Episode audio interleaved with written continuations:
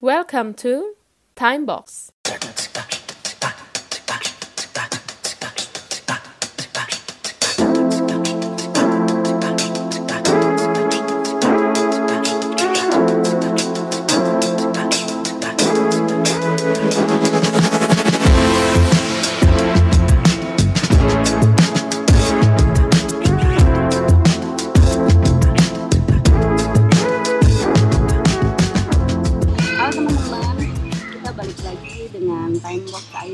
Setelah lama kita vakum nih, kurang lebih hampir satu bulan. hampir sebulan. Iya, ada yang dari Singapura, ada yang siap-siap ya macam-macam lah ya, segala macam kesibukannya. Banyak kesibukan belakangan ini, kita balik lagi di episode 4.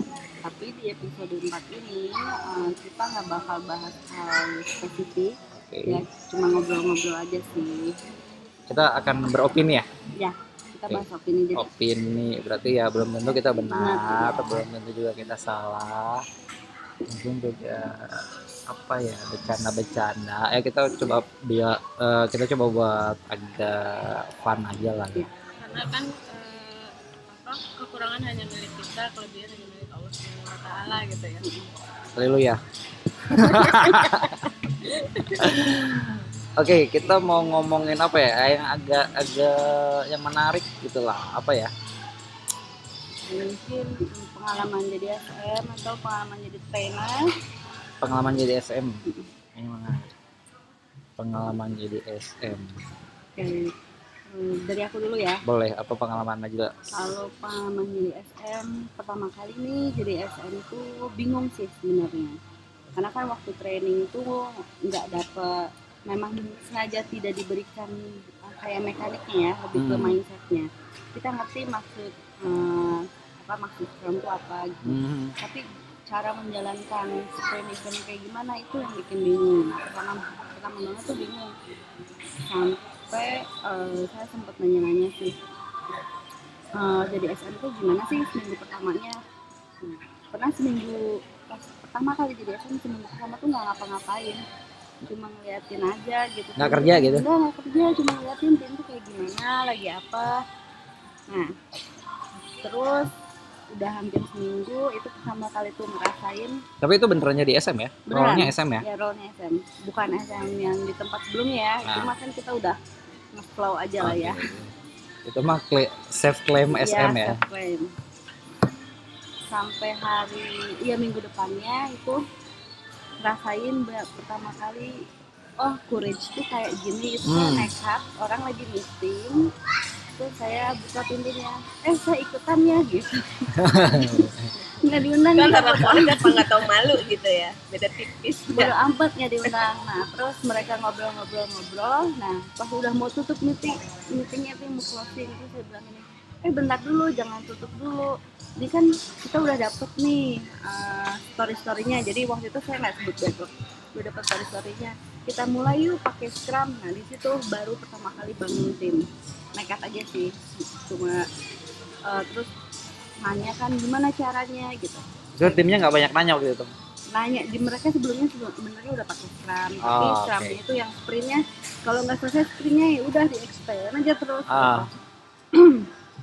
nah timnya nanya gimana caranya nah udah dari situ coba buat working agreement tapi Hmm. sesimpel mungkin lah gitu. Sama jadi SM yang penga- eh, pada awal-awal jadi SM kan pasti banyak ya tadi ya banyak banyak try and errornya gitu ya. Ya. Yang yang penasaran yang yang yang paling berkesan atau yang paling inget lah entah itu eh, baik atau buruk yang paling inget. eh, pernah eh, jadi ada beberapa tim kan jadi Hmm. ada tim untuk bug fixing gitu. Nah, saya tuh sebenarnya ngerasa kewalahan karena di situ cuma sendiri ya kan. Hmm. nah tim ini tuh dia ngerjain bug aja terus terus nggak mungkin tim itu di- dikasih sprint sebenarnya. Saya nekat ah udah coba aja dari kanban itu. Pertama kali nyobain trial and Hmm. error. Pas kanban terus saya bilang udah ya nggak pakai PO ya gitu. Udah akhirnya mereka kerja sendiri sampai terjadilah insiden salah deploy Salah deploy. nah setelah saya udah Masuk production deploy, lagi. udah masuk production sempat dua hari gitu Hmm. nggak bisa kepake sebenarnya itu jadi emang nggak cuma salah satu orang Ah. tapi salah banyak salah, ya satu tim aja salah terus diretroin tapi tidak tapi tidak menyalahkan scrumnya kan Enggak, enggak. Nah, pas diretroin ternyata mereka tidak fokus. Kenapa nggak fokus? Dia itu orang belum disiplin. Ah. Terus dipak, eh, kita paksa memakai cobain kanban waktu itu. Nah, nggak dapat kan esensinya. Iya, iya. Gimana caranya mereka memprioritaskan kerjaan? Gimana caranya milih yang valuable sama enggak? Hmm. Terus strateginya gimana? Terus resikonya gimana? Mereka nggak tahu. Makanya terjadilah hal itu.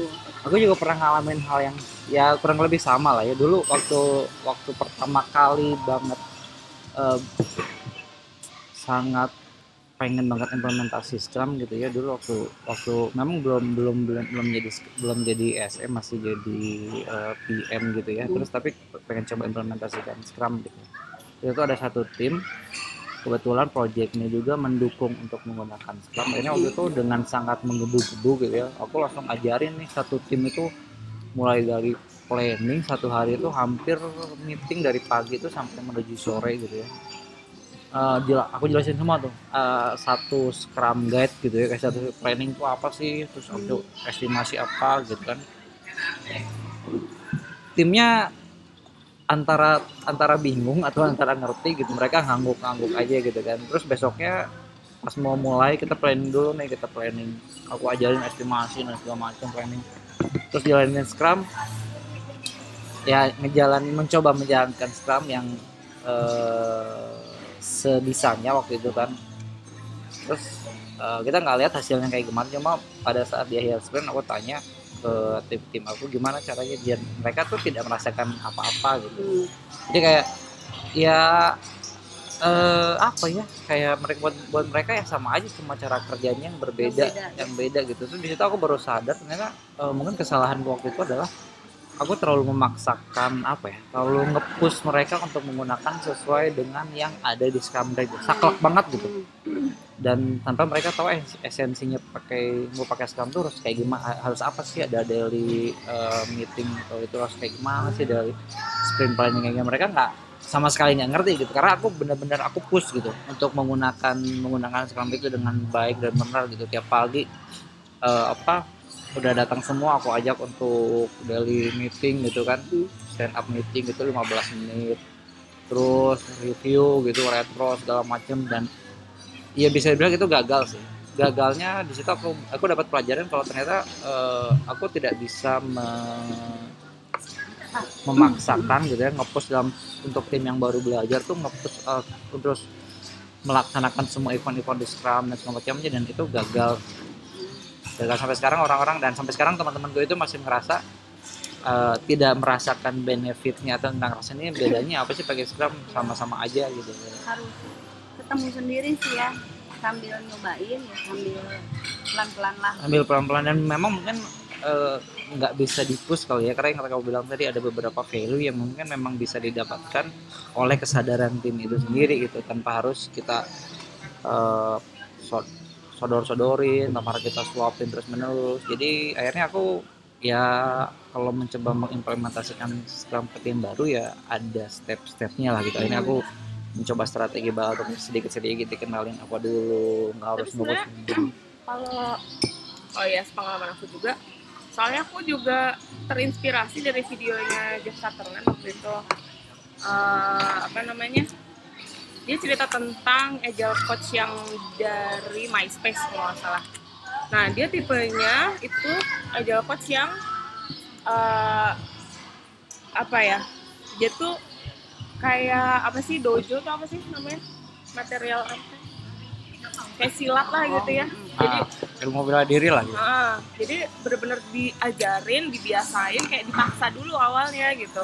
Bahkan semua orang pokoknya harus ikut training. Kalau nggak ikut training, sprint kita nggak akan mulai. Pertama kayak gitu. Terus ya udah mereka dipaksa, seolah-olah kayak tanda kutip dipaksa buat ngelakuin sampai mereka tuh akhirnya eh, menyadari bukan menyadari mereka terbiasa dulu sampai mereka tuh nggak sadar gitu yang mereka lakukan tuh udah kayak jadi kebiasaan mereka oh, gitu. jadi di- dibuat jadi habit dulu gitu ya Iya. tanpa dan, tapi itu dipaksa sebenarnya nggak ada kata dipaksa sih cuman jadi kayak dibiasakan disuapin gitu. Ah. jadi dia punya target-target itu siapa aku lupa sih namanya siapa ya Eja aku nah aku sempat melakukan itu gitu karena ya tadi yang kayak Tena aja bilang bingung gitu pas jadi master ya di awal teh aku harus gimana sih? Gitu. nah pas dapat video itu agak-agak kebayang gitu. Oh oke berarti aku bisa pakai step ini nih untuk di awal. Mungkin aku harus eh, kasih mereka knowledge-nya dulu. Terus eh, ya kita cobain ini terapin. Eh, nah aku pernah cobain tapi emang harus sabar sih kayaknya ya. Dan kita harus punya target juga biar kita tahu apa yang kita harus lakuin gitu. Kayak misalkan aku tuh maksain target mereka target sebagai SM atau target target, sebagai SM Oke. mau mau apa yang di achieve nih dari si tim ini gitu. Misalkan kita jadi mau itu target pribadi sebagai SM bukan target timnya? Target SM untuk tim mungkin.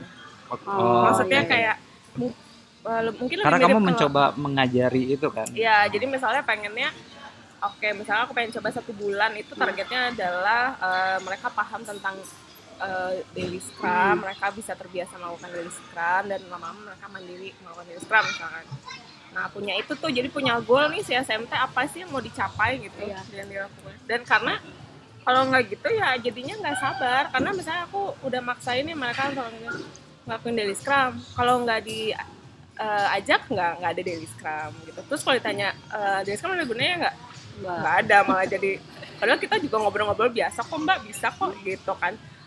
Nah eh, itu sih yang kayaknya eh, belum tentu gagal sebenarnya kalau menurut aku sih. Ya karena baru sekali doang. Ya tapi ya eh, aku suka berpikir gitu karena karena kita tahu tentang Scrum gitu ya karena kita mau pelajari Scrum eh, ya beda bisa dikatakan kita eh, di tim itu kita yang lebih tahu duluan tentang Scrum dan kita yang pasti kita punya perspektif lain gitu ya dengan cara bekerja. Pakai Scrum itu kita berpikir kita ber, berkeyakinan bahwa dengan menggunakan Scrum itu eh, lebih baik. Eh, kita ngomong soal self delivery lah. Deliverynya eh, kita mencoba untuk membuat delivery yang lebih baik. Cuma teman aku pernah nanya eh, Scrum ini maksudnya dia dia mempertanyakan benefitnya buat developer tuh apa sih pakai Scrum gitu ya? Waktu itu aku aku belum bisa menjawab kebiasaan waktu itu waktu pertama kali ada orang nanya eh pakai Scrum itu eh, benefitnya apa buat developer? Aku cuma waktu itu bisa waktu itu cuma bilang aku hmm, ya kita berusaha untuk untuk membuat delivery yang lebih baik gitu.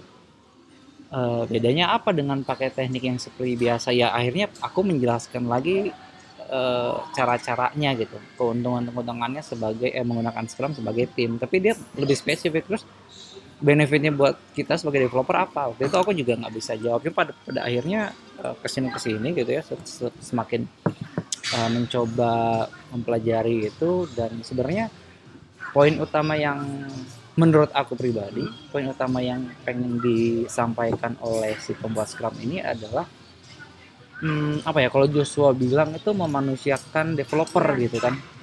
Memanusiakan developer yang eh, developer itu bukan mesin gitu. Developer tuh bukan sesuatu yang dianggap satu dan nol benar dan salah Nah. gitu.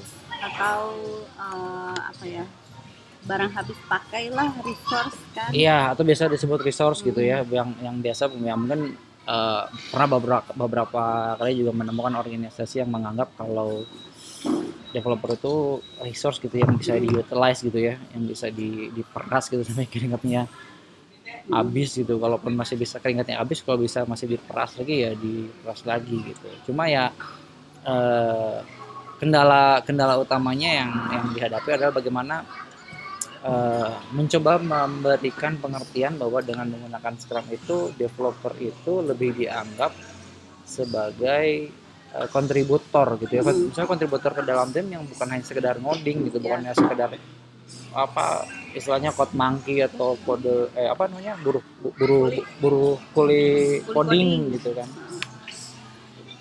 Pengalaman di mana tuh?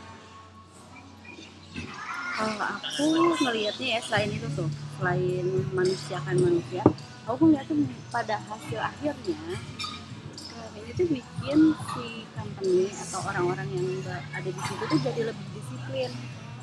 Nah, terus jadi lebih terarah sih kayak misalnya kenapa sih harus ada planning? Ya supaya tahu supaya tahu kan goalnya mau ke mana. Terus kenapa harus ada daily scrum? Kenapa daily scrum harus di tempat yang sama di tempat yang eh, Di waktu yang sama. yang sama dan tempat yang sama nah kayak gitu mungkin kan pada akhirnya setelah timnya udah terbiasa mungkin pada akhirnya nggak akan nggak akan pakai Scrum lagi secara utuh kayak Spotify misalnya Ah. ya kan mereka udah nemuin modelnya sendiri tapi si culture company itu dibangun untuk disiplin dulu Iya, sepakat, sepakat, sepakat. Kayak kemarin ya, eh, beberapa waktu yang lalu ada training, seperti biasa training in house gitu. Terus ada satu di tengah training itu ada satu developer gitu, kelihatan pinter banget nih developer dan dia nanya, eh, dia kurang lebih menanyakan hal yang sama gitu, benefitnya buat developer itu apa gitu.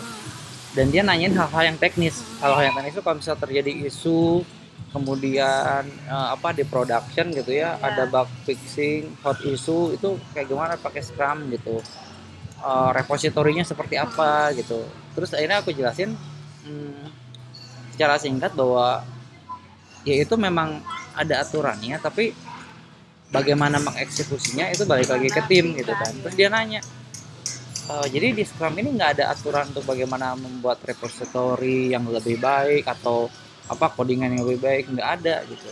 Yang yang yang ditekankan di sini gue bilang bagaimana tim itu bisa berpikir secara mandiri gitu ya self organized untuk mencari solusi dari masalah-masalah yang di, terjadi ketika sprint berlangsung. Dan dia tuh agak bingung gitu. Hmm. karena dia ber- berpikir bahwa Scrum itu eh, apa ya kayak kayak metode khusus lah. Metode khusus untuk hal untuk ngoding lah untuk melakukan development dan segala macamnya.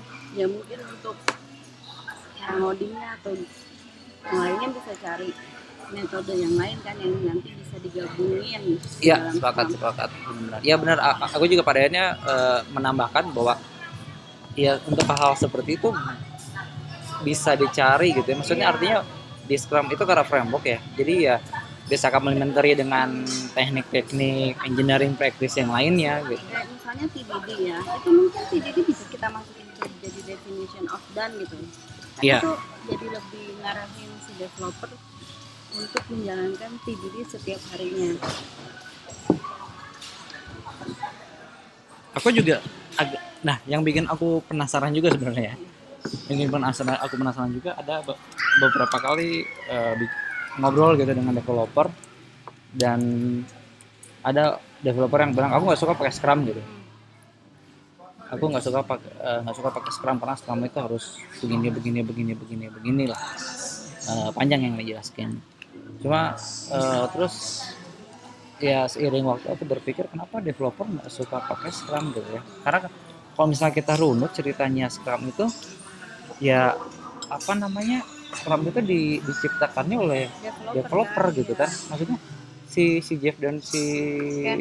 Ken ini kan mencoba untuk nge, nge-embrace bahwa developer tuh atau software engineering itu pekerjaan yang profesional gitu bukan pekerjaan yang mau apa ya? Ya dianggap sebagai buruh coding dan segala macamnya gitu. Justru justru ini diciptakan oleh developer yang pengen menge- memperkenalkan bahwa developer itu pekerjaan yang kreatif gitu. Ngoding itu pekerjaan yang kreatif bukan pekerjaan yang eh, bisa satu atau nol gitu. Benar dan salah doang gitu butuh mikir butuh butuh kreatif butuh. Makanya dibuat sedemikian rupa supaya developer bisa apa istilahnya? Me- mencurahkan potensinya. potensinya idealismenya gitu. Itu dituangkan di event-event di Scrum gitu. Jadi eh, ya mungkin sih aku berharap ya. Sebenarnya aku berharap kalau orang yang berbis kalau ada developer yang ngomong aku nggak suka pakai Scrum itu mungkin karena dia mungkin dia belum mengenal Scrum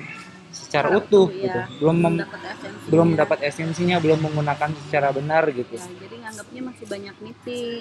Terlalu masih eh, terlalu banyak meeting padahal di Scrum juga meeting dibuat sedemikian rupa supaya ya hanya pakai minimal mungkin supaya pakai meeting meeting itu aja gitu untuk untuk apa ya memanfaatkan eh, situasi-situasi di dalam event-event tersebut gitu kan. Kalau itu kan eh, terjadi waktu kamu training ya ada Hmm. pertanyaan kayak gitu ya Eh, nah aku malah jadi bertanya-tanya sih kalau eh, dia ada di company yang emang udah menerapkan Scrum gitu ya, pada akhirnya kan eh, dia akan merasakan nih manfaatnya. Mungkin di awal-awal dia misuh dulu gitu ya, banyak banget sih nyata, aduh malas mendingan gua ngoding gitu ya. Mm-mm. Nah tapi kalau teman-teman yang sebelumnya belum Scrum gitu, terus dia pengen mencoba mengenal, terus eh, dengan jawaban kayak gitu gitu, apakah jawaban dia apa nih akan men- menemukan maksudnya ya Scrum tuh ya cuma kayak mungkin memang sih, maksudnya jawaban yang memang itu Scrum seperti itu gitu kan. Kita- Nah apakah dia akan merasakan si jawaban kita eh apa eh, esensinya esensinya tadi gitu kalau nggak karena emang di tim aku pun mereka akhirnya yang aku lihat ya eh, dan beberapa perkataan Sorry. mereka X team mungkin maksudnya Hah? X team atau masih jadi tim masih jadi tim lah sih. oh mm, ah, kamu jangan bikin gosip Oh, enggak, dong. enggak, enggak bikin gosip ini emang konfirmasi aja. Iya. X team atau kan masih jadi itu tim. kayak anak jadi nggak ada mantan anak kan oh iya Oh, benar oke oke oke. Ya. Oke. Nah, ngomong apa kan tuh lupa aku. apa dari itu? Oh ya, kayak tim aku tuh eh dia pada akhirnya dia yang minta ini kok stakeholder atau product ownernya? Kok eh, harusnya yang paham ini juga mereka tuh harusnya paham juga karena mereka tuh mulai merasakan benefitnya dengan mereka bisa eh, bisa explore lebih banyak gitu ya. Mereka bisa menghandle unpredictability gitu. Nah eh, mereka minta ini stakeholder juga harusnya ngerti ini nih gitu Eh, karena setelah mereka paham oh yang dilakukan itu tujuannya untuk ini. Nah tapi kalau teman-teman yang belum eh, masuk gitu ya ada punya pengalaman nggak sih maksudnya Mempertanyakan. Ya. oh, oh, terus mereka gimana gitu? Kayaknya bisa dijadiin contoh deh. Eh, ini salah satu teman kerja aku dulu ya dan sekarang juga eh, sekarang juga ra- lumayan aktif sih di grup di grup Scrum chapter Bandung. Hmm. setahu aku company dia itu belum pernah Pakai serap. pakai Scrum terus dia nekat aja. Dia juga belum pernah training. Dia itu apa? Developer? Eh, ya engineer. Tapi sekarang kayaknya udah jadi kepercayaan yang gitu deh. Salah satu yang pertama kali nyobain produk kanvasnya Joshua tuh. Oh. Dia nyobain. Iya, iya, iya. ya. kayaknya sih ha- memang harus nyobain sih biar Iya, iya. biar ke biar ke tahulah manfaatnya itu kayak apa Iya, betul betul betul Ya dan nyobanya juga nggak bisa asal-asal gitu. Iya. Karena yang ya aku aku belum belum belum berpengalaman secara maksudnya pengalamanku ya kalau ngomongin data empiris memang eh, masih butuh data lebih banyak lagi untuk untuk aku bisa berkesimpulan. Cuma dari cerita teman-teman yang lain gitu ya dari cerita teman-teman SM yang lain ya atau kayak Dinar lah ya kayak, kayak kalau Dinar suka cerita tentang eh, timnya dulu itu juga pada akhirnya ketika tim yang mereka ketika timnya sadar benefitnya menggunakan Scrum eh ya itu tadi bilang pada akhirnya mereka tahu eh, komposisi Scrum itu seperti apa, Hmm. responsibility-nya seperti apa, apa yang apa yang bisa mereka explore, apa yang tidak bisa mereka explore, Iya. apa yang mereka bisa mereka lakukan, apa yang tidak bisa mereka lakukan gitu. Hmm. Artinya ya sebenarnya ini eh, bukan sesuatu hal yang apa ya. Kalau teman-teman yang bilang nggak nggak nggak suka pakai Scrum dan karena Scrum tuh terlalu banyak meetingnya misalkan. Scrum tuh eh, apa membuat developer malah jadi semakin tertekan gitu kan. Dan ya aku pikir itu karena mereka mungkin aku sangat berharap itu mereka belum belum menggunakan Scrum dengan benar gitu. Tapi karena kenapa? Karena kalau misalnya pakai Scrum dengan pemahaman yang tidak baik gitu ya dengan hanya menganggap eh, waterfall. Bahkan Mini ada yang bilang ah, Scrum itu mini mini waterfall gitu waterfall yang di yang dipecah jadi kecil-kecil kan itu juga eh, berbahaya gitu berbahaya banget gitu. Jadi kayak ya apa bedanya sih dengan yang dikerjain sebelum-sebelumnya? Atau mungkin bisa jadi ya gini beberapa pengalaman sih. Kan eh, kayak siapa tuh? Si Kendrick bilang itu kan Scrum is like your mother-in-law ya. Ah, semua kesalahan tuh bakal muncul gitu. Ah, ah. nah kalau nggak siap dengan nggak siap nggak siap atau mentalnya tuh eh, ya nggak siap lah untuk dapat banyak masalah. Bisa jadi nganggap oh ya dengan Scrum nambah nambahin masalah aja. Iya. itu bisa jadi yang bikin jadi orang pesimis gitu. Atau berharap dengan Scrum tuh semua masalah bakal selesai. Padahal enggak kan? Padahal enggak padahal enggak. Eh, tapi kan pada akhirnya kalaupun mereka udah nyoba dan mereka merasa ada- itu ada benefitnya terus ternyata mereka eh, nggak menggunakan Scrum lagi karena menurut mereka oh ini nggak sesuai nih dengan case dia. Nggak Hmm. apa-apa juga ya kan apa selama mereka apa memahami nih Hmm. Scrum itu oh untuk nah salah satu contohnya nih eh, apa developer nggak suka pakai Scrum ini kan tadi banyak meeting Hmm. terus jadi banyak masalah lah gitu kan. Terus berharap tuh semua masalah bakal selesai. Nah aku punya pengalaman nih dengan yang developer tidak senang karena Scrum banyak meetingnya. Ah. Uh, jadi di tim aku tuh udah pakai refinement, udah rajin lah refinementnya. Nah, ada satu engine uh, developer, dia tuh ngomong boleh nggak ya saya nggak ikutan uh, refinement, saya tuh nggak suka sama meeting meeting. Hmm. Ya saya bilang oke silakan aja gitu. Tapi sekarang setelah dia ngerasain nih, sekarang dia yang paling rajin dong refinement. Selalu dia yang sulit ngajakin yang tadinya nggak mau saya nggak mau ikutan refinement gitu udahlah saya pokoknya mah dikasih tas beres aja tapi sekarang dia yang paling rajin dia karena dia ngerasain oh gunanya refinement itu ini jadi saya bisa lebih mengerti tentang produknya gitu. Dan dia ngerasa apa ya uh, opini dia tuh didengar gitu. Nah opini dia didengar ya. Aneh juga ya kadang-kadang juga eh, gini yang dulu-dulu gitu ya kalau kalau kalau kita ngobrol kalau misalnya ke pengalaman aku pribadi ya kalau ngobrol dengan dengan eh, dengan manajemen ngobrol dengan para para teman-teman developer ini ya eh, mostly keluhannya itu yang pertama kalau dia punya pendapat gitu ya itu suka ditolak gitu. Ya karena pendapat kamu nggak nggak bagus atau intinya pendapatnya tidak didengar gitu pendapatnya nggak didengar gitu. Dia tuh- itu selalu ngeluh tuh misalnya di kantin. Ya dia berpendapat eh di kantin. Ya pokoknya di satu kantor lama ya. Ya di kantor lama di kantin gitu kan. Ya, karena kita kalau kalau apa makan siang gitu kan ngobrol ngobrol gitu ngeluh gitu paling harusnya tuh kayak gini gitu. Karena dari yang sebelumnya tuh aku udah coba pakai yang ini dan itu berhasil. Tapi aku kaji kayak itu nggak didengar gitu lah.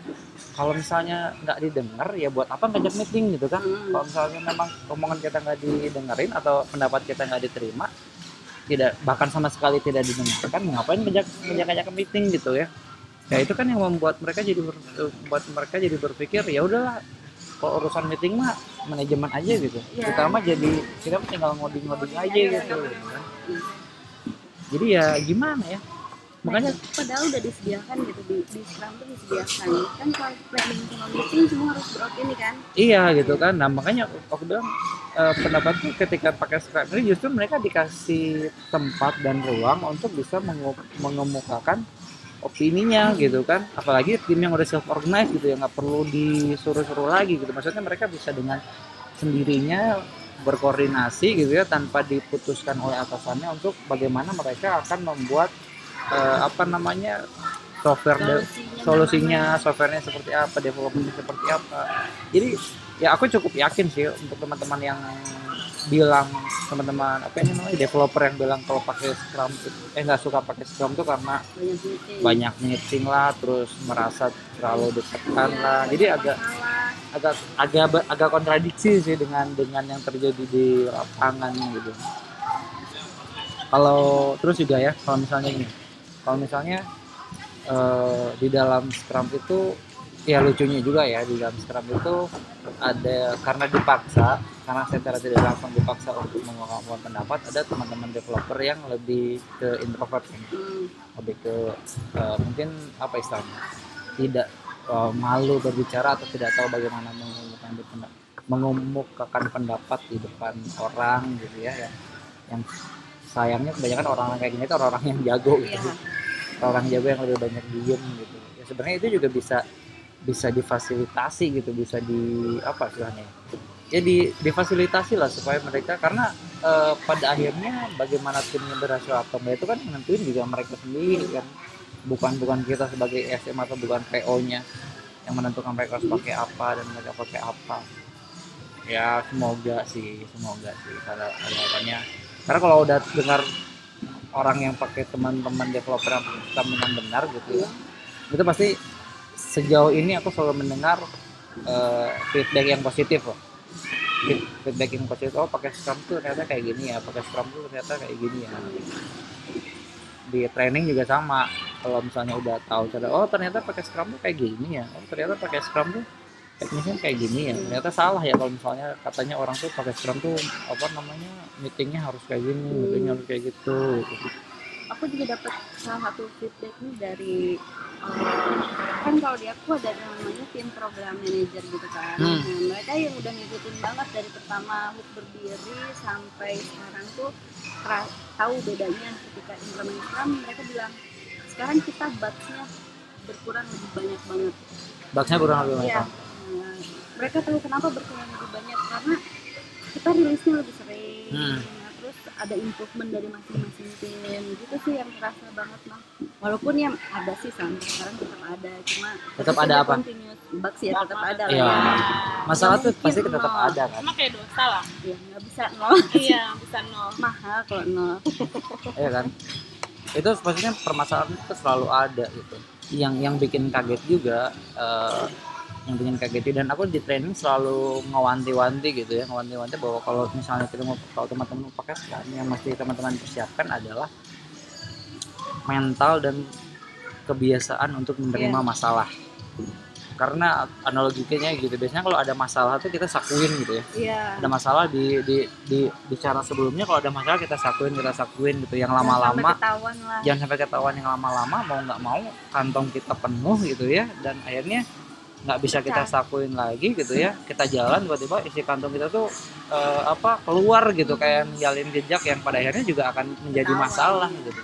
Justru pakai scrum ini kita mencoba mengakses masalahnya secepat mungkin gitu. Nggak perlu kita sakuin cepat-cepat dikeluarin supaya ya cepat-cepat diselesaikan juga. Cepat-cepat. jadi ya aku selalu mengawanti-wanti kalau udah pakai scrum dan bahkan aku ada satu slide sendiri yang bilang kalau scrum itu tidak tidak menyelesaikan masalah Iya. gitu bahkan mengemuka apa? mengeluarkan Ya, masalah yang masalah yang yang yang harus kita lakukan adalah dengan scrum itu kita kita sebagai orang yang punya andil ya kita yang menyelesaikan masalahnya gitu kita yang menyelesaikan masalah si, si yang di di embrace oleh scrum itu cuman emang challenge-nya itu eh, ini itu tuh yang tadi kita obrolin itu adalah bukan culture Indonesia banget Iya. gitu dan eh, kayak misalkan ada masalah aduh nggak enak kan gitu kan ya orang Indonesia tuh. Makanya terus pengen beropini Hmm. juga aduh malu ah ah dia aja deh gitu kan. Value value nya bahkan itu bukan value value eh maksudnya enggak apa ya ya bukan timur culture Indonesia lah, bukan orang timur banget lah gitu. Nah itu yang eh, makanya kenapa itu jadi challenge yang eh, cukup menguras hati gitu ya, di di Asia. tapi Iya, aku iya. agak aku bukan agak skeptis ya maksudnya aku tidak bisa mengatakan bahwa itu sebuah excuse sih Hmm. artinya hal-hal seperti itu ya memang itu menjadi culture kebiasaan kita tapi sebenarnya itu juga bisa kita lakukan gitu ya betul bukan suatu hal yang asing Malah gitu atau jadi Betul, apa ya betul. menghalangi untuk implement Scrum enggak? enggak, Enggak. memang challenge maksudku ya itu challenge ya. jadi lebih challenging gitu Challenge. tapi itu nggak bisa nggak bisa dijadikan excuse bahwa oh kita nggak bisa pakai Iya. scrum Enggak gitu. sih. kita enggak.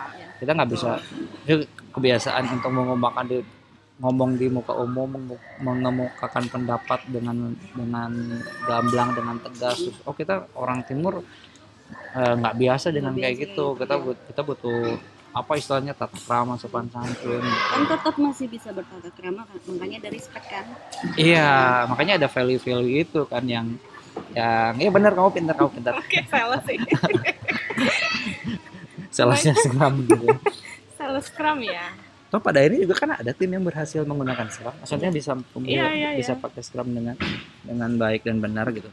Oke, jadi eh, apa ya yang yang yang pengen kita yang pengen kita coba sampaikan di di obrolan kita kali ini adalah eh, apa ya eh, kasarnya kalau kita belum mengenal gitu ya kita nggak bisa ngejudge gitu kalau kita belum bisa kalau kita belum menggunakan dengan baik kalau kita belum bisa memulai menggunakannya bahkan kita belum tahu dalamannya gitu hanya tahu kulit luarnya kita nggak bisa ngejudge bahwa itu benar atau salah Hmm.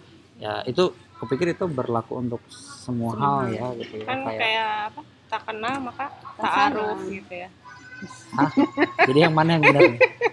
ya maksudnya kayak kebiasaan kita kalau ngelihat isi berita gitu ya, headline berita yang ya you know lah kontroversial misalnya atau clickbait gitu ya belum baca isi beritanya tiba-tiba udah komentar gitu kan Iya. Nah kan kalau kita bisa baca dulu beritanya gitu kan baru kita bisa komentar ya sama ya kalau kita pakai sesuatu barang gitu kan kalau kita belum bisa pakai memanfaatkan barangnya dengan benar-benar ya baru kita bisa bisa menilai kan bahwa barang ini bagus oh enggak. Gitu. Yang pertama itu.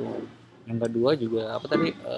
Yang yang kedua ya waktu pertama kali pakai Scrum pasti jangan kaget harus Jangan siap mental bahwa bakal banyak banget tuh masalah-masalah yang muncul mm-mm. terus bakal ngerasa banyak meeting lah kayak gitu ya karena perubahan itu bukan sesuatu yang mudah ya Mm-mm. pasti text time banget perubahan apalagi behavior gitu kebiasaan yang kayak gini dirubah menjadi kebiasaan yang seperti yang lainnya gitu ya pasti harus eh, ya harus apa tadi prepare gitu ya Iya.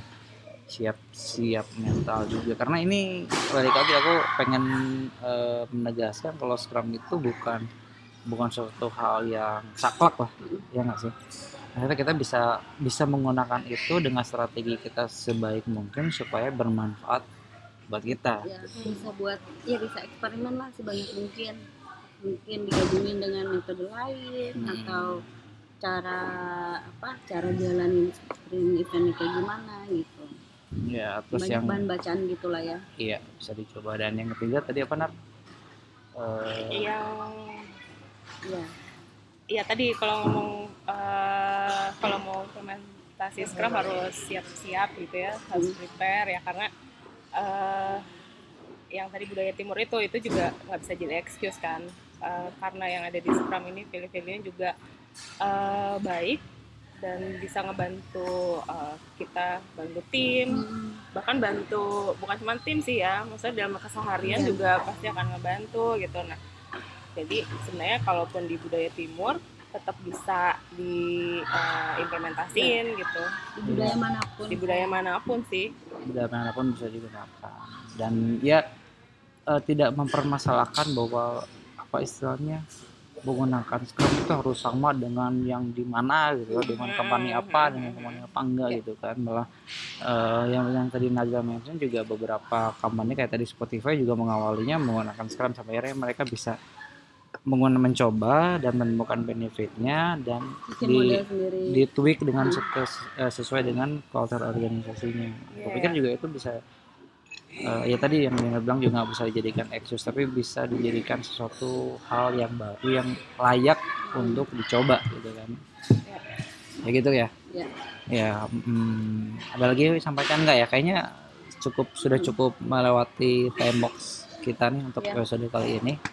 Eh, episode keempat ini sekali lagi semoga menikmati dan ini hanya opini kita pribadi. Kalau misalkan eh, punya opini lain bisa mention kita di Twitter gitu ya atau juga mungkin di Instagram gitu kan kalau mau eh, apa ya kalau mau cari Scrum Master Dinar Oke, jadi Scrum, Master lagi Mbak Dinar ini lagi diiklanin ya lagi kosong gitu ya. boleh di boleh di hijack gitu. Oke, gitu aja untuk episode kali ini. Sampai ketemu di episode lainnya. Dadah. Dadah.